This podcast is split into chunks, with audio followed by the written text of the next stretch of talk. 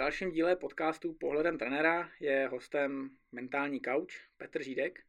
Já tě tady u mě vítám, Petře. Děkuji, ahoj Marko. Tématem, nebo pro jak se s Petrem znám, tak je asi i pro posluchače, tím bychom asi začali. Um, Petr pomáhá sprinterům Dukle Brno, konkrétně asi nejvíc Tomášovi Bábkovi, robí mu taky určitě. Mm-hmm. Už skoro dva roky. A v jak, kontaktu a pracujeme společně. Jak jsi se dostal takhle ke sprinterům z Brna? Uh, mě oslovil Jirka Dostá z Centra sportovní medicíny a poprosil mě, abych se pověnoval vlastně Tomášovi, aby jsme, aby jsme uh, ten jeho výkon uh, posunuli tam, kam až je to možný a protože jsme vlastně už s Jirkou v tu dobu jako řešili nějakou spolupráci ohledně jakoby mentální přípravy sportovců, tak Tomáš byl v podstatě první, eh, koho, koho jsem takhle jakoby dostal přiděleného eh, od, od Centra sportovní medicíny a s Tomem jsme před těmi dvěmi lety vlastně začali. Do dnešních dnů, kdy opravdu jsme ve velice jako úzkém a pravidelném kontaktu a kdy s klukama trávím čas na tréninkách, kdy jsem s nimi byl už dvakrát na mistrovství světa a, a už vlastně nedělám jenom s Tomášem, ale už vlastně těch kluků je víc, s kterými spolupracuju v tuto chvíli. Máš ještě nějaký další cyklisty, nebo jaký je tvoje, tvůj, tvůj rozsah uh, já mám, sportovců po, po další věci? Aha, já mám hodně sportů už teď. Uh, řekl bych, že už se tak jako dostáváme k nějakému číslu 20, uh, 20 mm-hmm. sportů. Spíš to roste organicky, to znamená, uh, když přijde někdo na referenci od někoho jiného, tak já se podívám, jestli vlastně můžu pomoct, jestli mě to zajímá a když mě to zajímá, tak eh, se jdu do toho sportu vlastně jakoby podívat, kouknu se na toho člověka a pak s ním pracuju, takže tam vlastně já v tom nemám žádný systém a když se ptáš konkrétně na cyklistiku, tak jsem eh, vlastně teď jako aktuálně jsme začali spolupráci s Petrem Vakočem, což mě mm-hmm. velice baví taky. No, takže Jasně, to je taky další asi. Zase jiný, zase si potřebuji nechat vysvětlit, jak to vůbec chodí, protože já vždycky zjišťuju ty, uh, snažím se zjistit, jak vlastně ten sport funguje od těch jakoby organizačně systémových záležitostí, přes svazy, funkcionáře a podobně, až po vlastně ty pravidla vlastní toho sportu, protože když tomu člověk nerozumí, tak vlastně potom není schopen úplně přesně zareagovat na to, co ten... Takže rozumíš teď aktuálně už jako 20 sportům? Eh, do jisté míry. Stává se mi to, že, že to jde tak rychle, že na mistrovství světa, myslím, že to bylo v Polsku, jsem se kluku ptal, co se to teď jede a že jsem ten název ještě Omnium neslyšel, tak ať mi to vysvětlí. Takže pak vždycky někdo přijde, ať už trenér nebo někdo, nebo kluci a říká, hele, tak já ti to vysvětlím, to funguje takhle. Jo, jo, jo. A je to rychlý, protože to je hodně, že jo? jako těch informací je strašně mm-hmm. moc a, mm-hmm. a, já nedělám vlastně jenom sportovce, to je pořád, řekněme, 30% mé práce, uh, takže to nestihnu ani jako po nocích nastudovat, no, všechno. A těch zbylých 70? Eh, zbylých 70 je rozděleno mezi eh, exekutivní koučování vlastně eh, manažerů nebo top manažerů, generálních ředitelů, lidí, kteří jsou opravdu jako ve velmi exponovaných pozicích v biznisu, protože já vlastně v biznisu se pohybuju přes 20 let. A Další část mé práce je, že dělám úplně to samé, to znamená provádění ředitelů, ale neziskových organizací, což dělám vlastně jakoby pro bono zadarmo, takže dělám třeba pro hospici nebo pro různé neziskovky. A pak ještě je jistá část mé práce je klasická somatická psychoterapie, takže psychoterapeutická praxe. Mm-hmm. To znamená, že vlastně opravdu pracuji i na tématech uh, uh, průřezově vlastně cokoliv, od šikanovaných dětí až po umírající lidi. Mm-hmm. No. Jak jsi se dostal k tomu, že, že z tebe jako je teď mentální kauč? Uh, to byla cesta. Cesta, cesta vedla, já jsem dělal za život uh, hodně prací. jsem to opravdu jako vystřídal jako neuvěřitelně mnoho, to jsem prováděl lidi po Evropě, po horách, uh, až protože jsem dojel denně 50 krav a, a rodil telátka. Fakt? Jo, jo, takže já jsem jako opravdu vyzkoušel úplně snad všechno, co je možné, jako jsem v životě, nebo jsem montoval telefonní ústředny s kamarádem, jsme měli firmu v Jižních Čechách. Uh, ale vlastně poslední 20 let jsem v takovém tom klasickém jako biznisu tady pražským. Uh, začínal jsem v public relations, takže vlastně komunikace, mm-hmm. krizová komunikace, pak jsem přešel do rekrutmentu a do headhuntingu, takže jsem skoro přes 15 let jsem lovil ty šéfy těch velkých firm pro ty velké korporace a obsazoval jsem pozice. Což obsa- obsahovalo přes 13 000 interview, když jsem to potom jen tak cvičně spočítal, Aha. hodinových. A v průběhu těch interview mě ty lidi vždycky zajímali víc a víc a trávil jsem s nimi víc a víc času, což pro ten headhunting je trochu neefektivní, ale mě to hodně naplňovalo, takže jsem se přihlásil na koučovací výcvik v Kvedu, Radka Baboucha, roční, který jsem absolvoval. Bavilo mě to natolik, že jsem to začlenil do své práce, koučování jako takový. A když jsem vlastně i končil tenhle výcvik, tak Radek říká, ty by si měl jít studovat somatickou psychoterapii. A já říkám, co to je? A on říká, no to neřeš, jdi to, jdi to vystudovat. Což bylo pět let a stálo to docela dost peněz, ale musím říct, že to bylo vlastně jako nejlepší investice, kterou jsem jako do sebe kdy dal.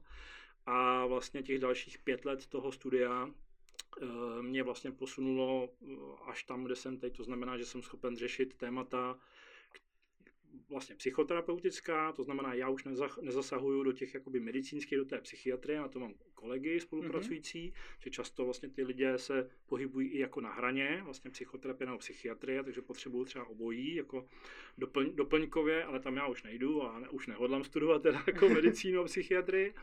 A pak se vlastně pohybuju uh, na té škále přes, uh, přes tu jemnější jako terapeutickou práci, přes to klasické koučování, až po vlastně nějaký jakoby mentoring, kdy třeba provázím některé třeba majitele firm nebo generální ředitele tím, že vlastně dělám takový ten standardní jakoby mentoring, protože jsem toho za těch 20 let opravdu mm-hmm. hodně zažil.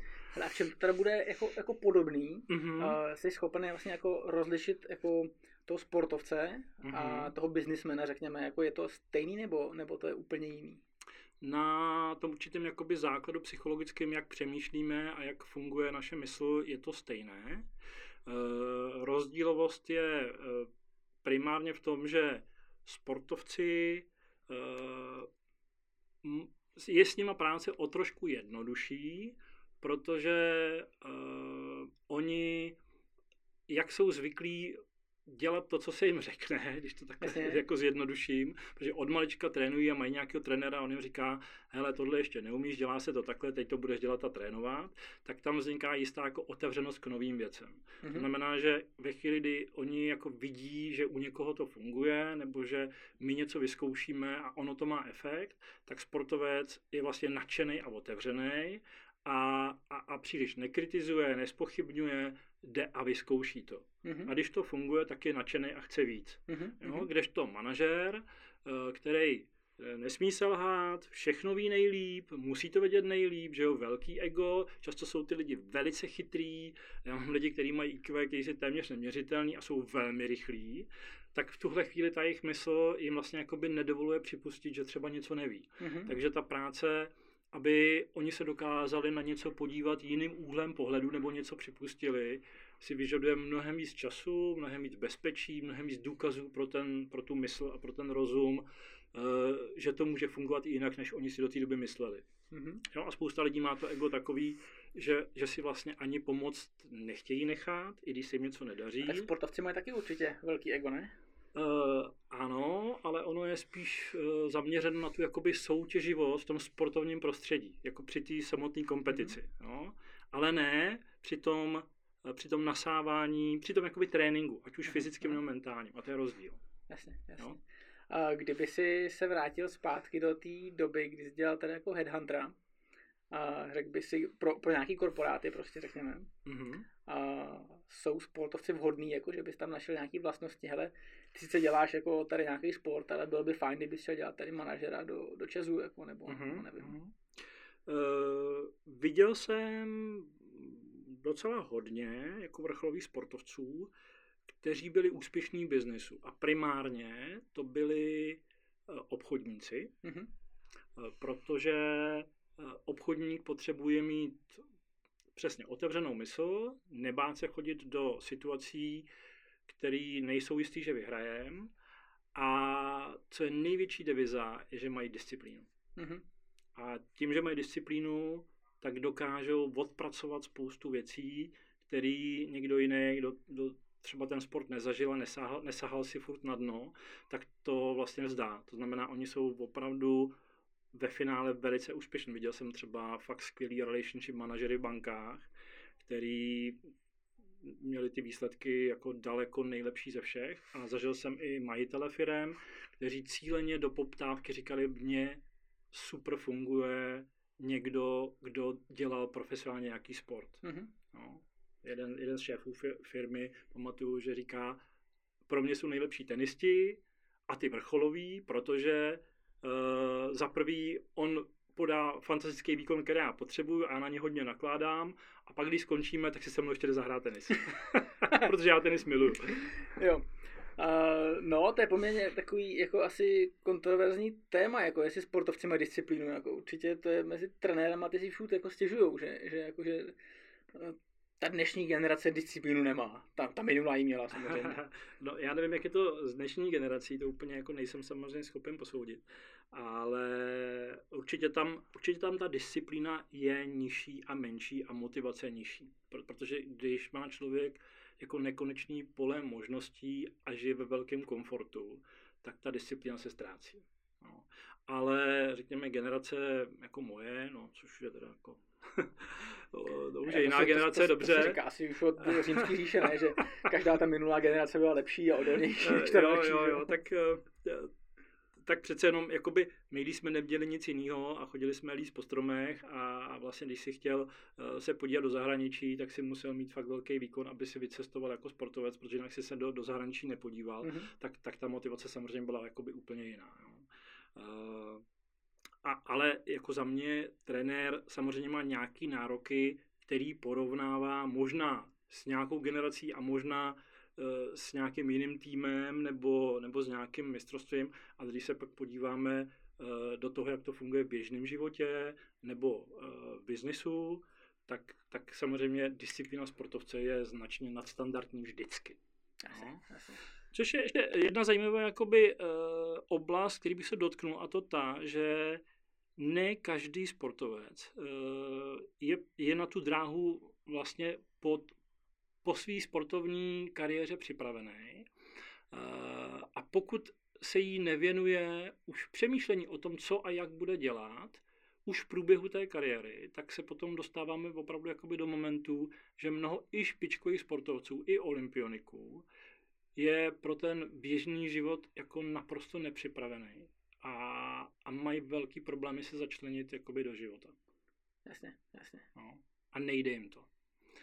A, a vím, že eh, když se jako řeší taková ta pomoc sportovcům uh, v tomto přechodu, takže moje kolegyně to jednou komentovala, uh, oni po nás chtějí, aby jsme jim napsali dobrý CV, ale ona je tam v podstatě práce jak v mateřské školce těm lidem vysvětlit, jak to v tom životě jako potom funguje mm-hmm.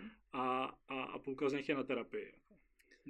A Jasně. oni po nás chtějí, aby jsme z nich udělali jako dobře prodejné zboží jako pro mm-hmm. agent, agenturu práce. Mm-hmm. Takže je tam jako hodně otazníků, myslím, že hezky tohle to jako, eh, jako chytil, alespoň jako Český olympijský výbor, který vlastně udělal celou tu jako platformu eh, vlastně pomoci, co dělá Kaťka Neumannová, jako vlastně sportovcům, jako přechodu do biznisu, ale vlastně to je jenom taková jako první vlaštovka. No.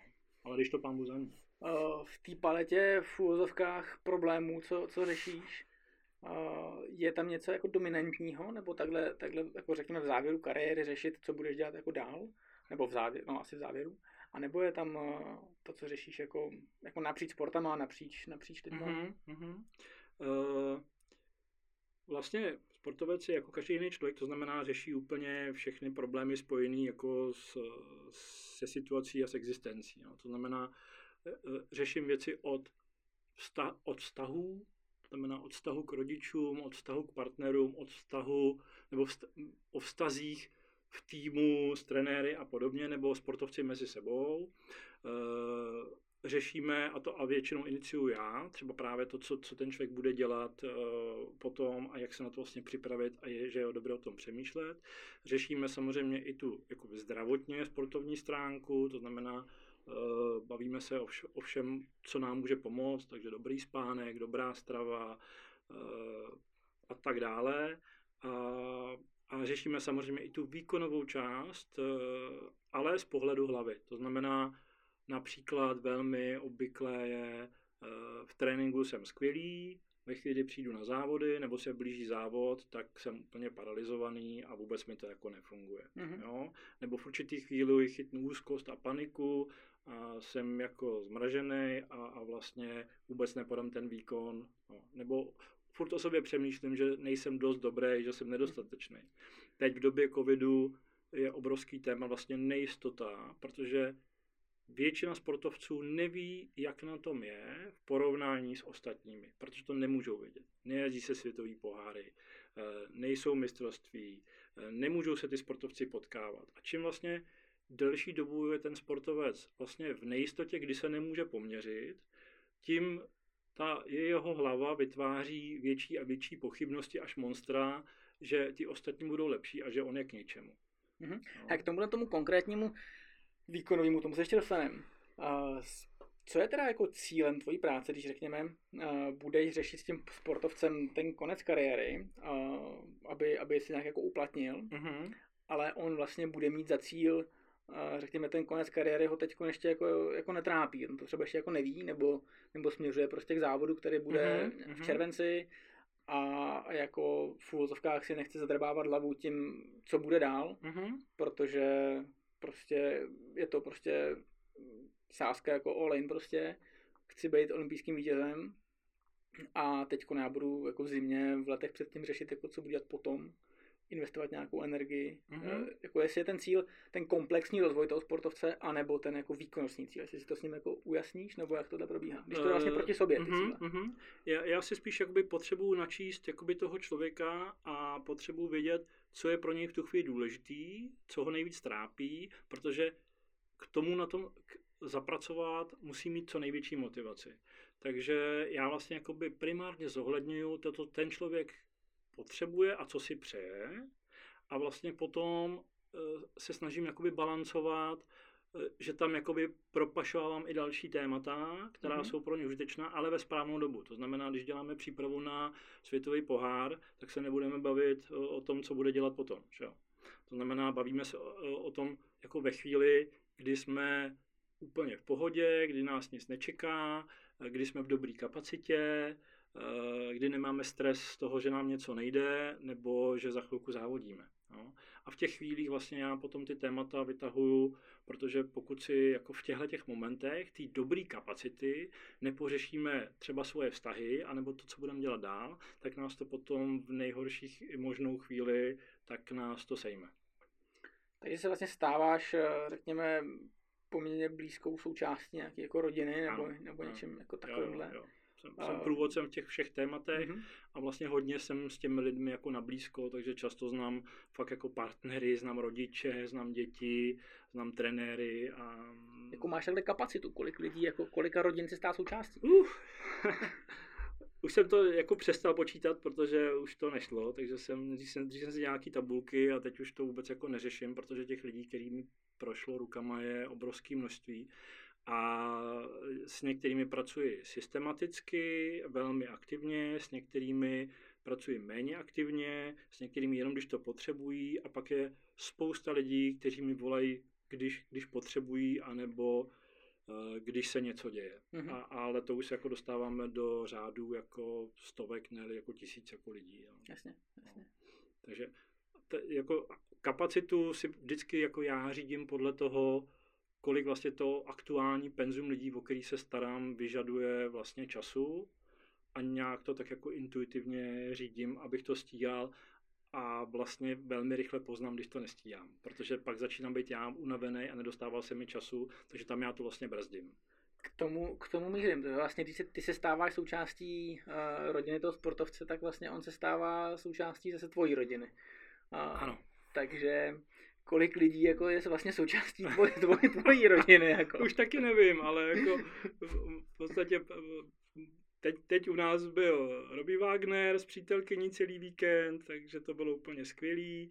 Eh, předtím u nás byla Anetka Holasová, protože se připravila na, na maturitu z francouzštiny a moje žena umí perfektně francouzsky. Aha. Takže když jsme zjistili, že to vlastně může ovlivňovat její pohodu pro, eh, pro závody, eh, tak t- tak jsem naznal, že bude fajn, když budeme nás dva víkendy bydlet a, a, a že Mhm. najít tu francouzštinu prostě jí s tím pomůže. Takže bydlela s mýma dcerama jako u nás doma, chodili jsme si zaběhat a jinak se učila. A takhle to vlastně jako běhá furt, takže u nás doma je to takový jako průtokový ohřívač jako sportovců nebo manažerů. A já už jsem to vlastně jako by přestal řešit. Aha, No, takže, takže nevím, hodně. Eh, Stalo se ti někdy, že bys, eh, že by se jako nikdo, řekněme, že by stálo tvojí, o tvojí péči, ale řekněme, že by tam ne- neladilo něco eh, právě s tvojí rodinou, že bys jako odmítnul spolupráci, řekněme, byť by třeba pracovně to sedělo, ale nesedí to z nějakých jako jiných důvodů někde. Eh, Nesouvisí to s rodinou, protože potom já toho člověka si vlastně držím samozřejmě separé. Zase jako jenom malá část samozřejmě lidí je jakoby součástí mý rodiny, řekněme. Ale eh, stává se to docela často, kdy já vidím, že ten člověk není připravený na práci se mnou. Mhm.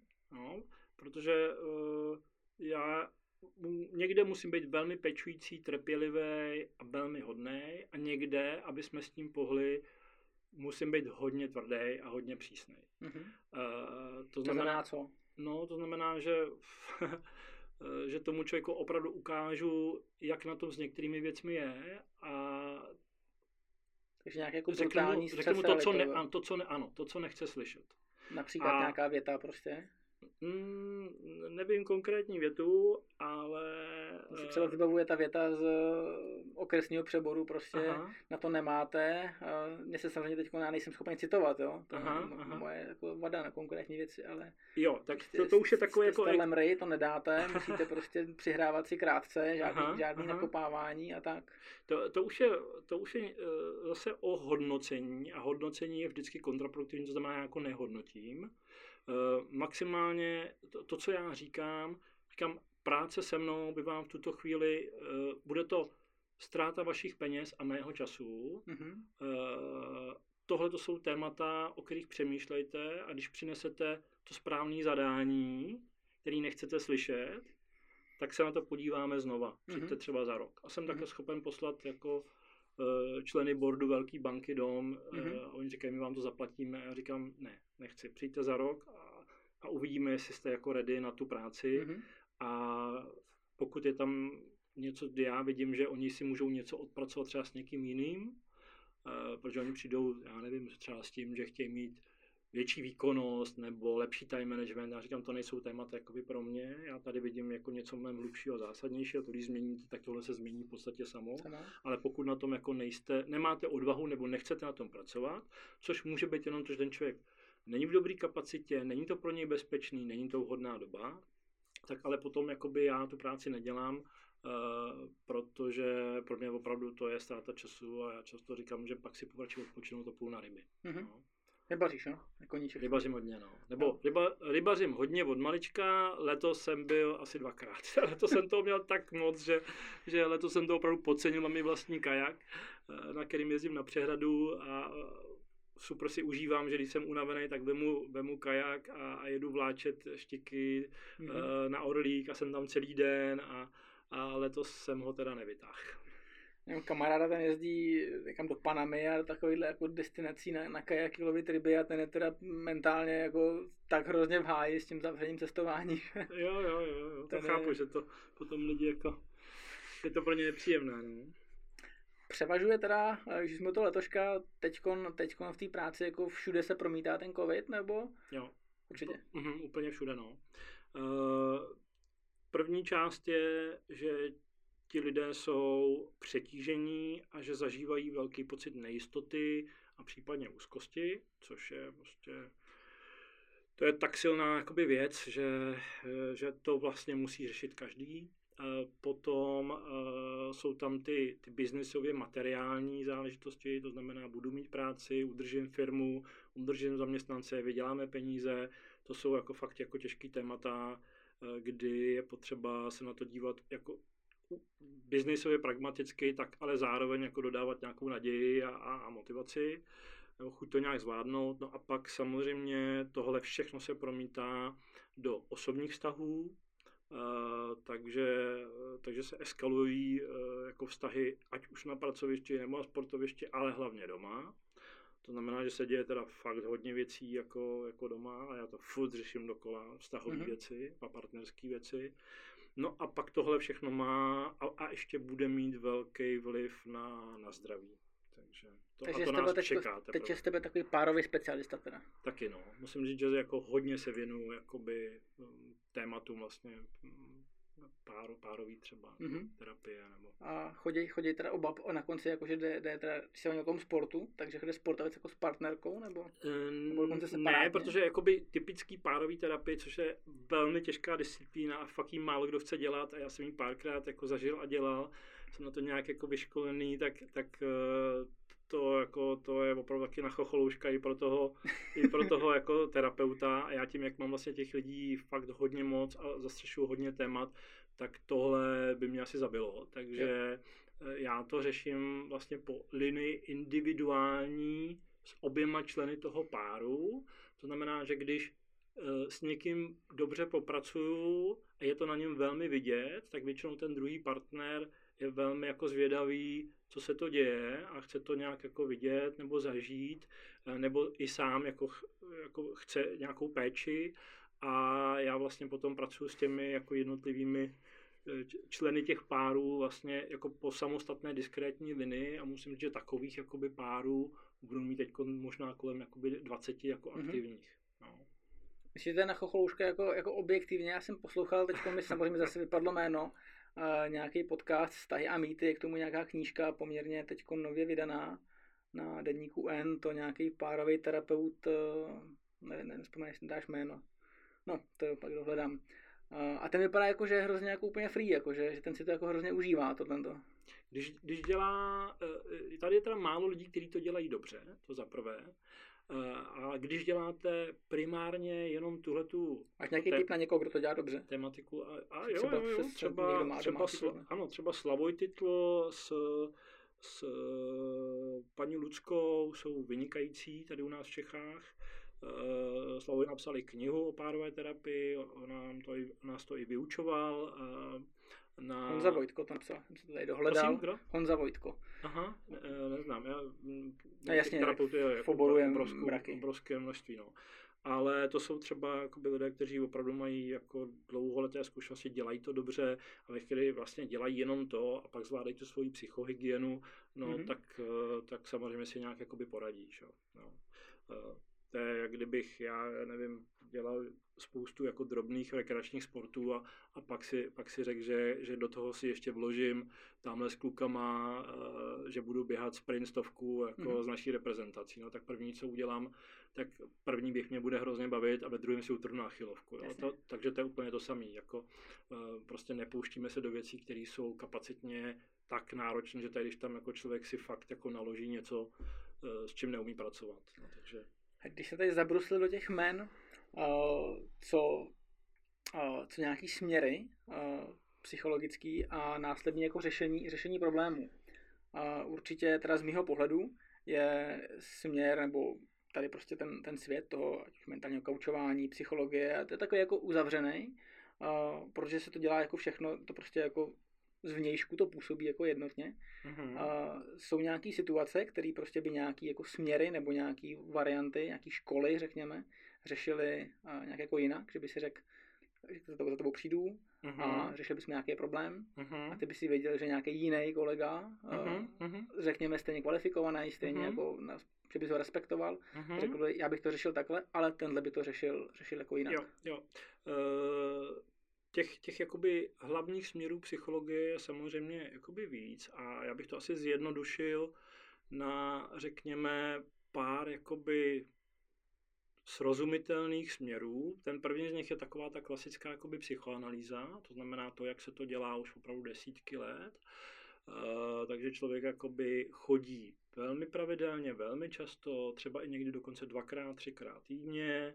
Uh, teď si tam někde lehne na tu pohovku a ten terapeut opravdu jako poslouchá a vede ho po, malý, po malých kručkách jakoby někam a řeší mm-hmm. se ty hodně ty starý, starý témata, regrese, uh, dětství a podobně. Je to takový jako běh na delší tráť a je to u těch vážnějších případů.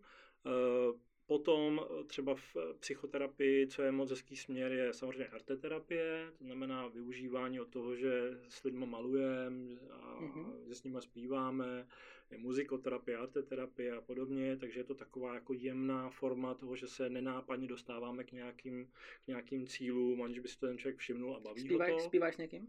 Já ne, zrovna. Když jsem zpíval v kapele dokonce, nebo hrál. A... Třeba se mnou by si zpívat rozhodně nechtěl. Jako. no a pak, eh, pak třeba ten směr, který, eh, který dělám já, eh, nebo který jsem vystudoval v rámci biosyntézy, což je somatická psychoterapie, což je třeba ještě další jsou směry jako pesoboiden a podobně, tak to jsou třeba zase směry, které pracují hodně s tělem, to znamená využívají Eh, nejenom jako práci s hlavou, ale i té naší tělesné schránky, to znamená, že se tam propojují jakoby trošku západní principy, východní principy, pracuje se s hlavou, když hlava má kapacitu pojmout, když, když už ji nemá, tak jdeme víc jakoby a pracujeme s tělem a pomáháme si vším možným, proto vlastně i ten můj jakoby překryv do sportu. A když zase tělo dosáhne nějakého svého limitu, tak se zase vracíme k hlavě a vlastně pořád jakoby využíváme tenhle ten cel, tuhle tu celou komplexnost vlastně té osobnosti, aby jsme se pořád po kručkách posouvali dál. Takže někdo je zralý na psychoanalýzu, protože práce s tělem s tím vůbec není možná. Mm-hmm. Někdo naopak, e, pro něj to je úplně super, když, e, když mu řekneme, že budeme jako dejchat nebo pracovat s tělem mm-hmm. nebo s nějakými doteky, tak je to pro, pro toho člověka vlastně obrovská zkratka a funguje to. Dechání je úplně, určitě úplně super téma.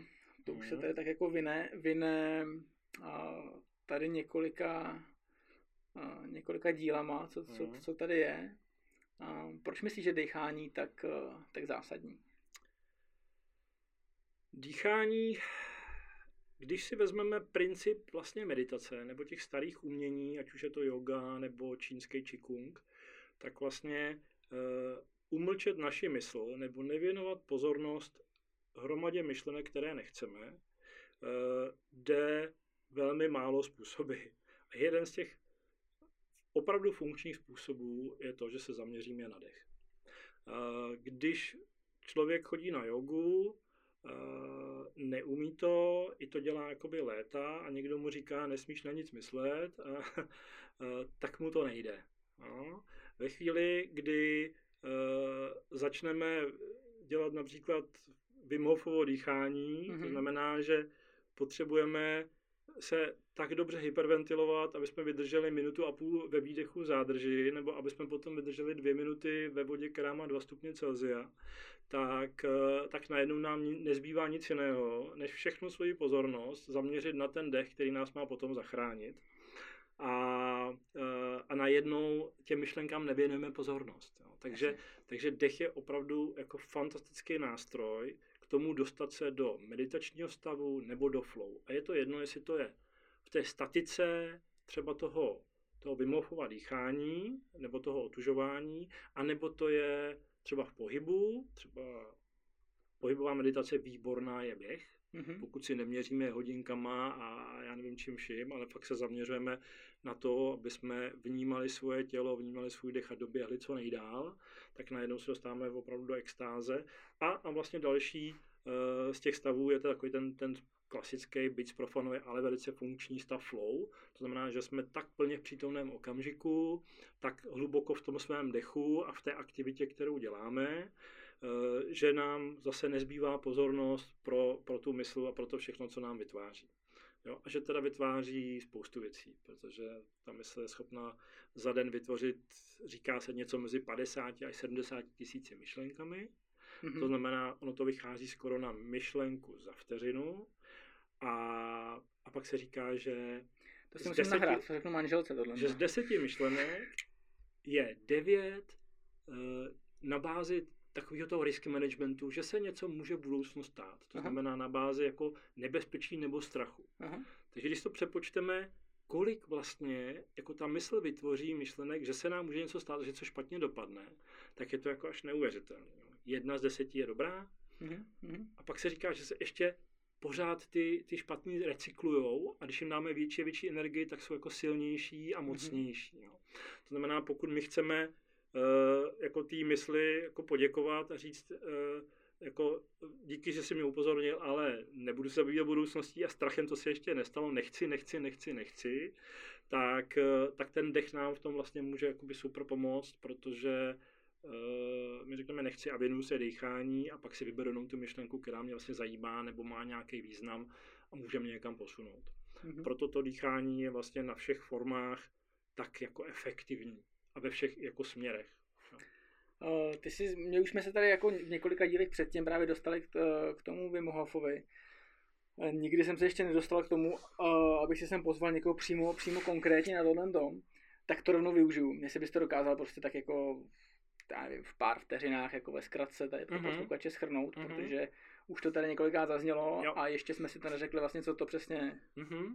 Uh, princip vlastně vymluvová dýchání je primárně v hyperventilaci. To znamená, uh, my dostaneme do toho objevového systému víc kyslíku, než ho vydechneme. To znamená, že uděláme něco, co dělal profesor Stanislav Grof už uh, za totality s, při pokusech s LSD a, zjistil, že se dostáváme do určitého stavu vědomí a že máme nějaký přístup k tomu svému tělu úplně jako jiného vnímání, až tak jako silný, ale díky LSD nebezpečný, že vymyslel metodu holotropního dýchání. Že? Mm-hmm. Holotropní dýchání bylo velice mocné, bylo opravdu jako užívání LSD, ale e, zase mělo jakoby svou jistou jako nebezpečnost, takže nějakou dobu trvalo, než se to učesalo tak, že, že to byla jako bezpečná záležitost, z toho se vyvinuly další formy, třeba majitrá, dýchání a podobně, které jsou velmi bezpečné. E, lidé, kteří jsou v tom vycvičení, tak, tak, tak tím člověka provedou.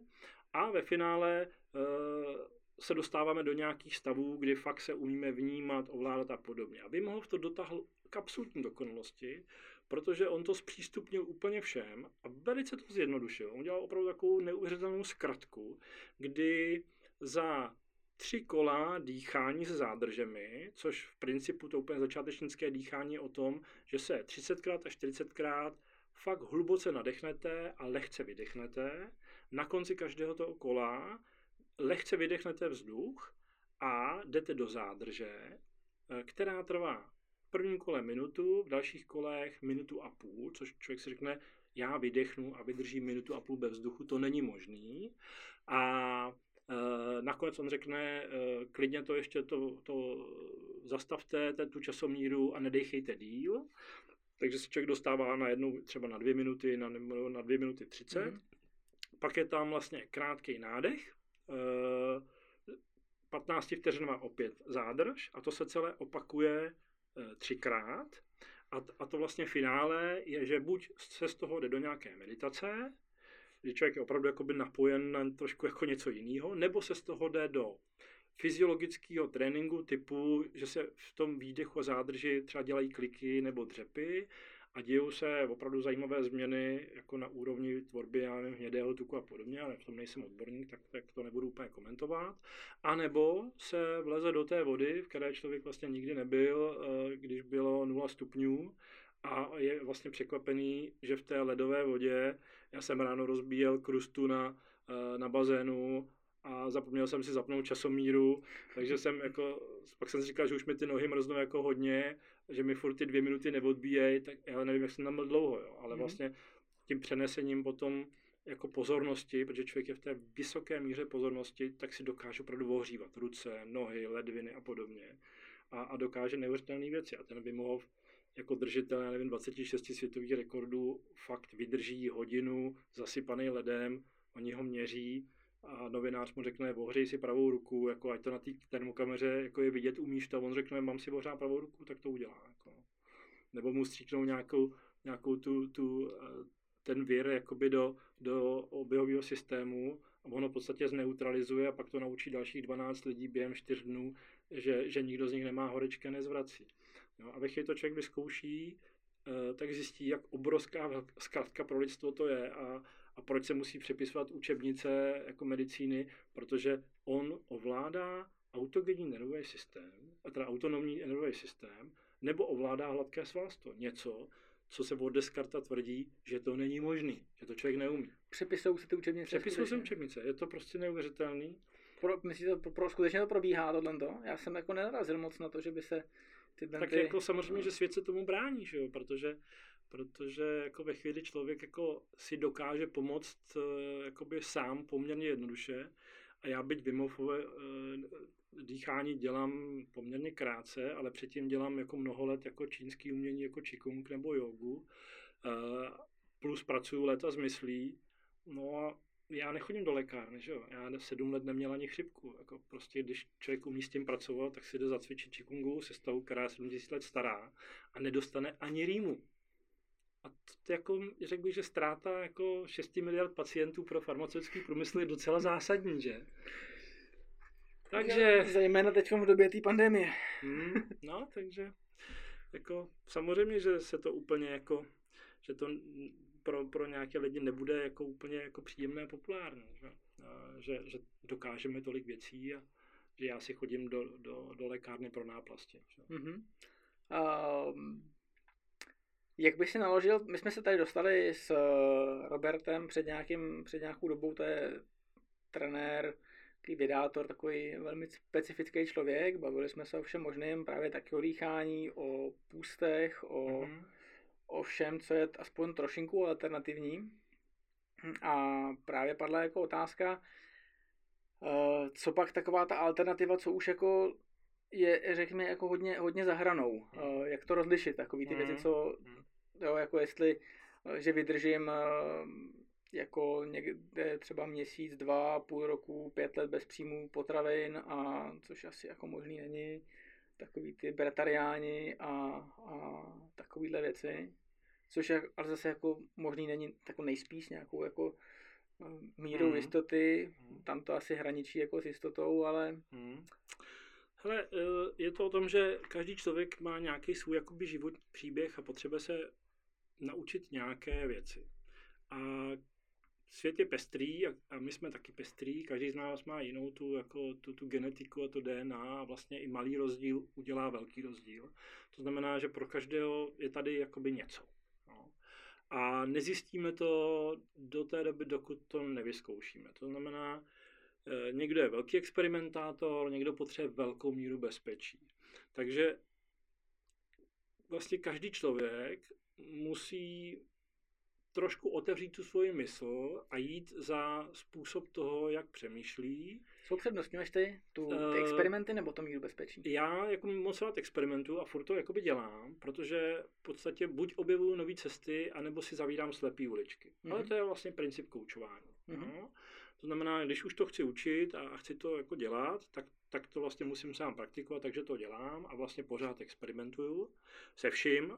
Eh, a, a pak vlastně, když to člověk sám zná, tak je schopen posoudit, třeba do jaké míry ten člověk potřebuje takovou tu rozumovou jistotu a bezpečí a je fakt se potřeba držet hodně na zemi, kde platíme složenky a kde naopak můžeme jít jako do velké alternativy a zkoušet.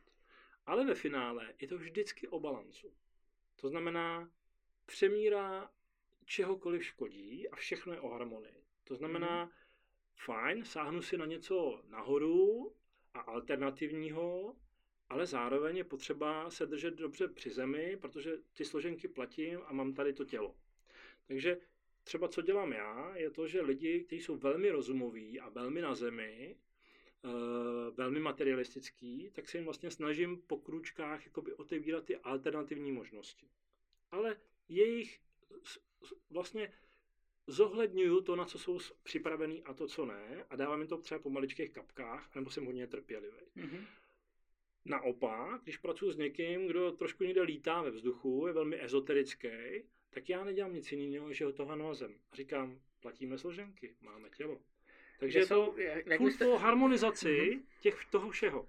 Sportovci jsou kde? Jsou spíš ezoterický nebo? Ne, nebo... sportovci jsou víc jakoby na té zemi, v tom těle, to znamená, že ale tím, jak jsou otevření a ukážou se jim jako nějaké alternativy nebo nějaký jiný způsob přemýšlení, tak, eh, tak je to potom jako nesmírně posouvá. Eh, protože oni vlastně jakoby nechodí jakoby moc do abstraktna, protože prostě to tělo je jako tady furt drží a oni ho musí trénovat. Eh, Je to hodně o výsledkách a o výkonech. Eh, Takže je, jim spíš otvírám tu cestu jako k, tý, k, tý, k těm alternativním možnostem, ale zase tak, jako kdo je na co připravený. No, když někdo na ní při- přijde skoro na nic, tak se to vůbec nedotýkám. A obráceně to samé. Myslíš, že je to uh, potřeba mít uh, mentálního kauče nebo, nebo něco, něco takového? Nebo nějakou jako, jako objektivně? Je potřeba mít otevřenou mysl a když ji nemáme, nebo když nás něco trápí, tak je dobrý mít nějakého průvodce. A ono je jedno, jakoby, jak se to jmenuje, ta disciplína, nebo jestli to je prostě chytrý trenér. A bylo by super, kdyby se měli jako trenéry vzdělaný, který mají fakt jako velkou škálu jako nástrojů, kdy můžou s každým pracovat tak, jak, jak na co je zrovna připravený. Ale tam ještě nejsme. Co je pravda, je, že dostáváme se v životě do situací, s kterými si neumíme poradit. Ve chvíli, kdy si s nimi neumíme poradit, potřebujeme někoho, kdo nás tím provede a kdo nám pomůže. Eh, Když to převedu třeba na psychoterapii, eh, velmi zajímavý, co jsem zjistil, byl jsem na výcviku krizové intervence, moje kolegyně říká, drazí kolegové, Jestli pak víte, která skupina obyvatelstva je nejvíce ohrožená přemýšlení o sebevraždou a dokonanou sebevraždou v euroamerické kultuře. A my tak Mhm. jmenovali všechno možné a ona říká všechno špatně. Nejvíce ohrožená skupina je muž 40-50 let. Druhá nejvíce ohrožená skupina muž 50 až 60 let. Třetí drogově závislý. A my, cože? A ona, no, je to jednoduchý. Muž je vychovávaný v naší kultuře, že neselhává a nebrečí. A samozřejmě, že o tom s nikým nemluví. že Nemůže si nechat pomoct, protože je to selhání. To znamená velká neotevřenost k institucionální pomoci nebo k tomu si s někým pomoct. Nechat si pomoct. No a tím, že se o tom vlastně nemám s kým bavit, s chlapama soutěžím, žena mi nerozumí, tak si to držím sám pro sebe a pak jsou faktory. Ztráta, zmaření, bilancování, ztráta může být zaměstnání, sil, potence eh, a tak dále a tak dále. A v každý z těchto těch situací se muž, protože si nenechá pomoct, nebrečí a neselhává, tak se dostává na absolutní jakoby kraj své energie a svých schopností to zvládat. Takže velmi rychle upadá do deprese, to jsou ty sebevražedné úmysly, nebo Mhm. do agrese. A pak, co se stává ještě velmi často, protože to kojvadlo vždycky z extrému do extrému je velmi rychlé, tak je to přeskakování mezi agresí a depresí, agresí a depresí. A ve chvíli to člověk jako pochopí a vlastně se podívá, že eh, kolik to má lidí a jak je to obvyklý, Mhm. jenom se liší formy a síla a intenzita, tak si najednou uvědomí, aha, takhle jsme vychovali ty chlapy. Tak eh, já jsem tu otázku myslel malinko jinak, já jsem to, my- ale to výborně vlastně už jako doplnil teďkon. Já to myslel na té ose jako, jako prostě od narození. Mhm. Uh, teď jsem jako se ptal, jako kdy to, jestli potřebuju Jo, mentálního mhm. kauče. Mhm. A teď na té ose jako od narození po, po smrt. Mhm. A jestli nějaký věk, kdy ho jako potřebuju, Mhm. a nebo naopak, je to právě tou výchovou, a teď směřuju teď k té jako nový a modifikované otázce. Mhm. Um, když teda teď si zmínil toho uh, chlapa, který má ty sklony, Mhm. uh, kdyby si, co je potřeba udělat, aby si sám hypoteticky přišel vlastně o práci, že by ty lidi byli v takovém stavu, že by mentálního kauče nebo, nebo nějakého průvodce vlastně jako Mhm. nepotřebovali, uh, jaká by byla objektivní změna té výchovy od startu, co, Mhm. jestli tam děláme my jako společnost, nebo Mhm. špatně něco, jako Mhm. naše třeba západní společnost, Jo, jo. nebo nějaká jiná společnost. Mhm. Eh, tak v té vývojové lince vlastně na začátku eh, my přijímáme tu realitu tak, jak je. No, my jsme se tady předtím, než jsme začali bavili o tom, že prvňáci, když dostanou roušku, tak to berou jako v podstatě samozřejmost a řeší, jestli to mají mít pod čepicí nebo nad čepicí, ty, ty, ty úchyty. Mhm. Mm-hmm. Takže do určitého období, což je zhruba ta puberta, tak my jenom vlastně nasáváme a přijímáme to, jak to je. Takže ta společnost má nějaký pravidla, nějak je schopná být uvědomělá nebo je, nebo je do nějaké míry nevědomá. Ty rodiče se chovají asi nejlíp, jak to umí ale ono to může být jako ve směs docela jako tragédie. Eh, takže to dítě něco přijímá. Puberta je od toho, že vlastně to děcko se snaží být autentický a, a, a jít ten život jakoby po svým, to znamená, je tam nějaké to, že to, co jsme se do té doby naučili, nebo to, co nám bylo naservírováno, tak to hodíme do nějakého kafemlinku a snažíme se to nějak jako přechroustat. Když je to ta síla toho prostředí veliká, tak z toho vyleze v podstatě to samý, nebo z toho vyleze velký vzdor a revoluce. No. Mm-hmm. V tomhle období ty starý chytrý národy měli něco, čemu říkali uh, garant, nebo průvodce, nebo kmotr. No.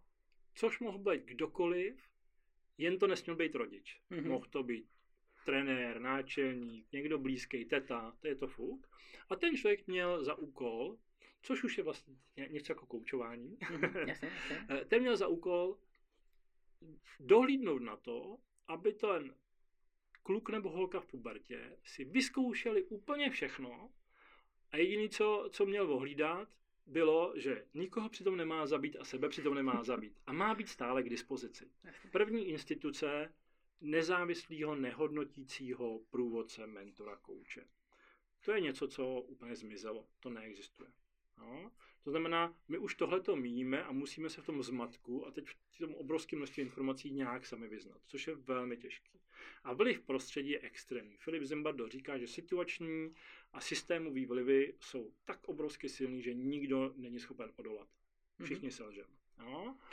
Takže tohle, tohoto se nám nedostává. Pak je nějaké období... Takže myslíš, že by bylo fajn jako uh, rada, řekněme, pro rodiče, v období puberty prostě uh, sehnat nějakého jako rodinného konzultanta a těm svým dětem jako nějak helfnout? Jo, jo, tak vlastně my ho máme podobě nějakých, řekněme, jako dětských psychologů, ale vlastně ono už je to zase teď tak jako otočené, že, že dětskému psychologovi se jde, když je problém, tím to děcko stigmatizujeme a dětský psycholog často je tím systémem úplně stejně jako zdevalovaný, takže jede podle nějakých tabulek a šablon, takže tomu děti vůbec nepomáhá, často naopak. No. Mm-hmm.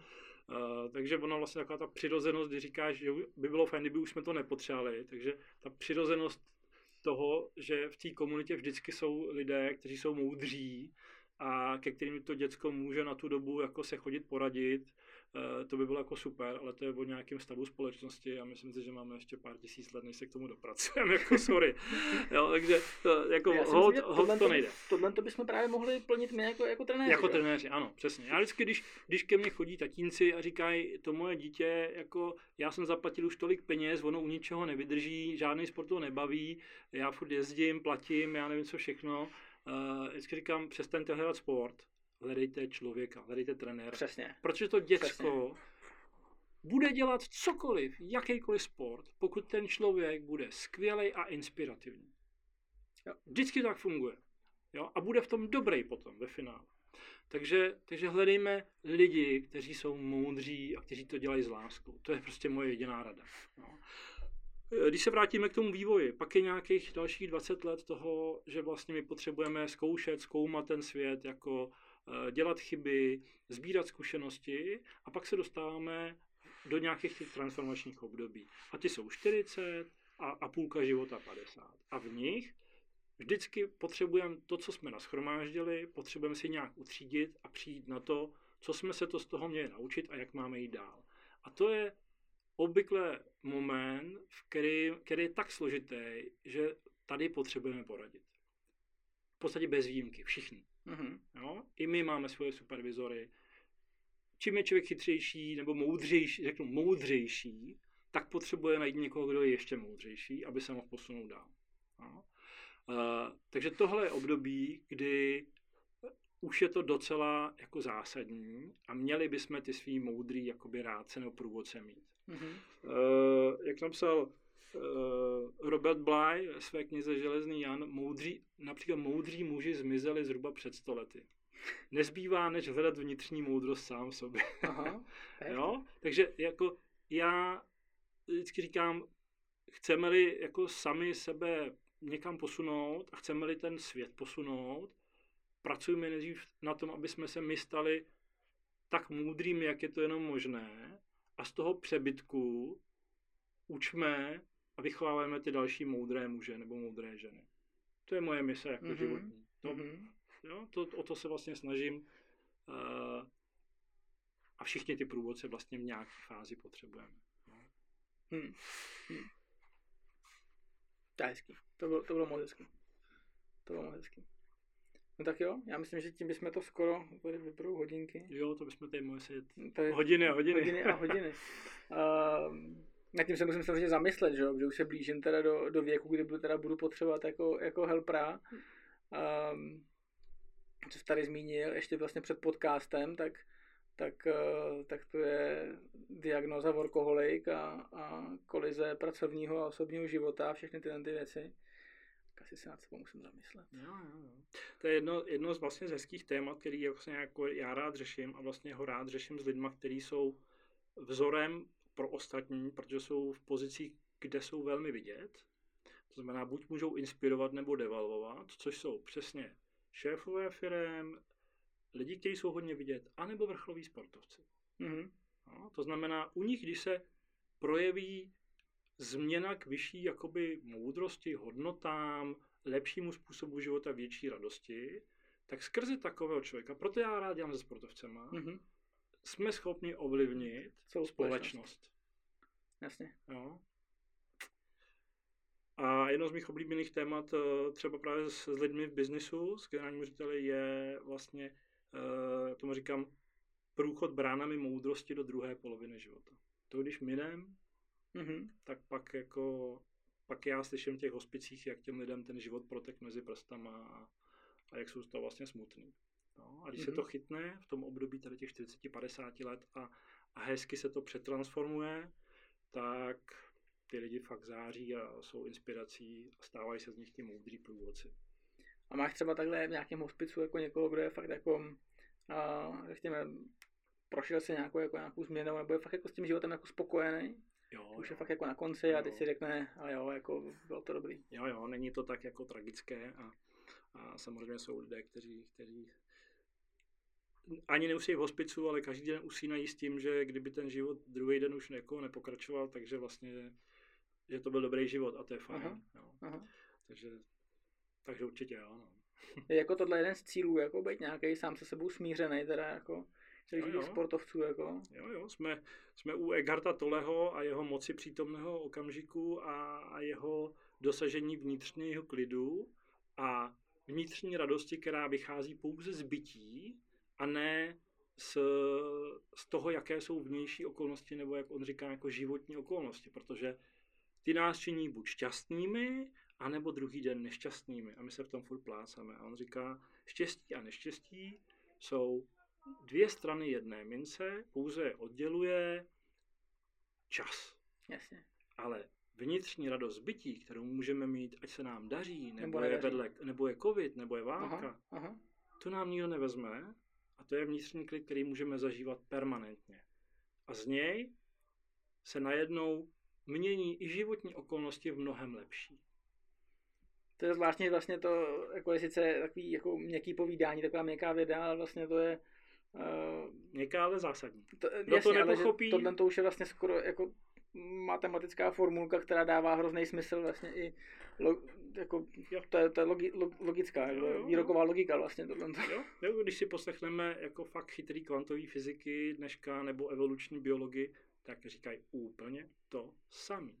Mhm, jasně. Ty se vůbec neliší. Se naopak setkali po, tý, po tom darwinismu jako na konci. Aha jsou úplně ve stejném místě a úplně stejně přemýšlím.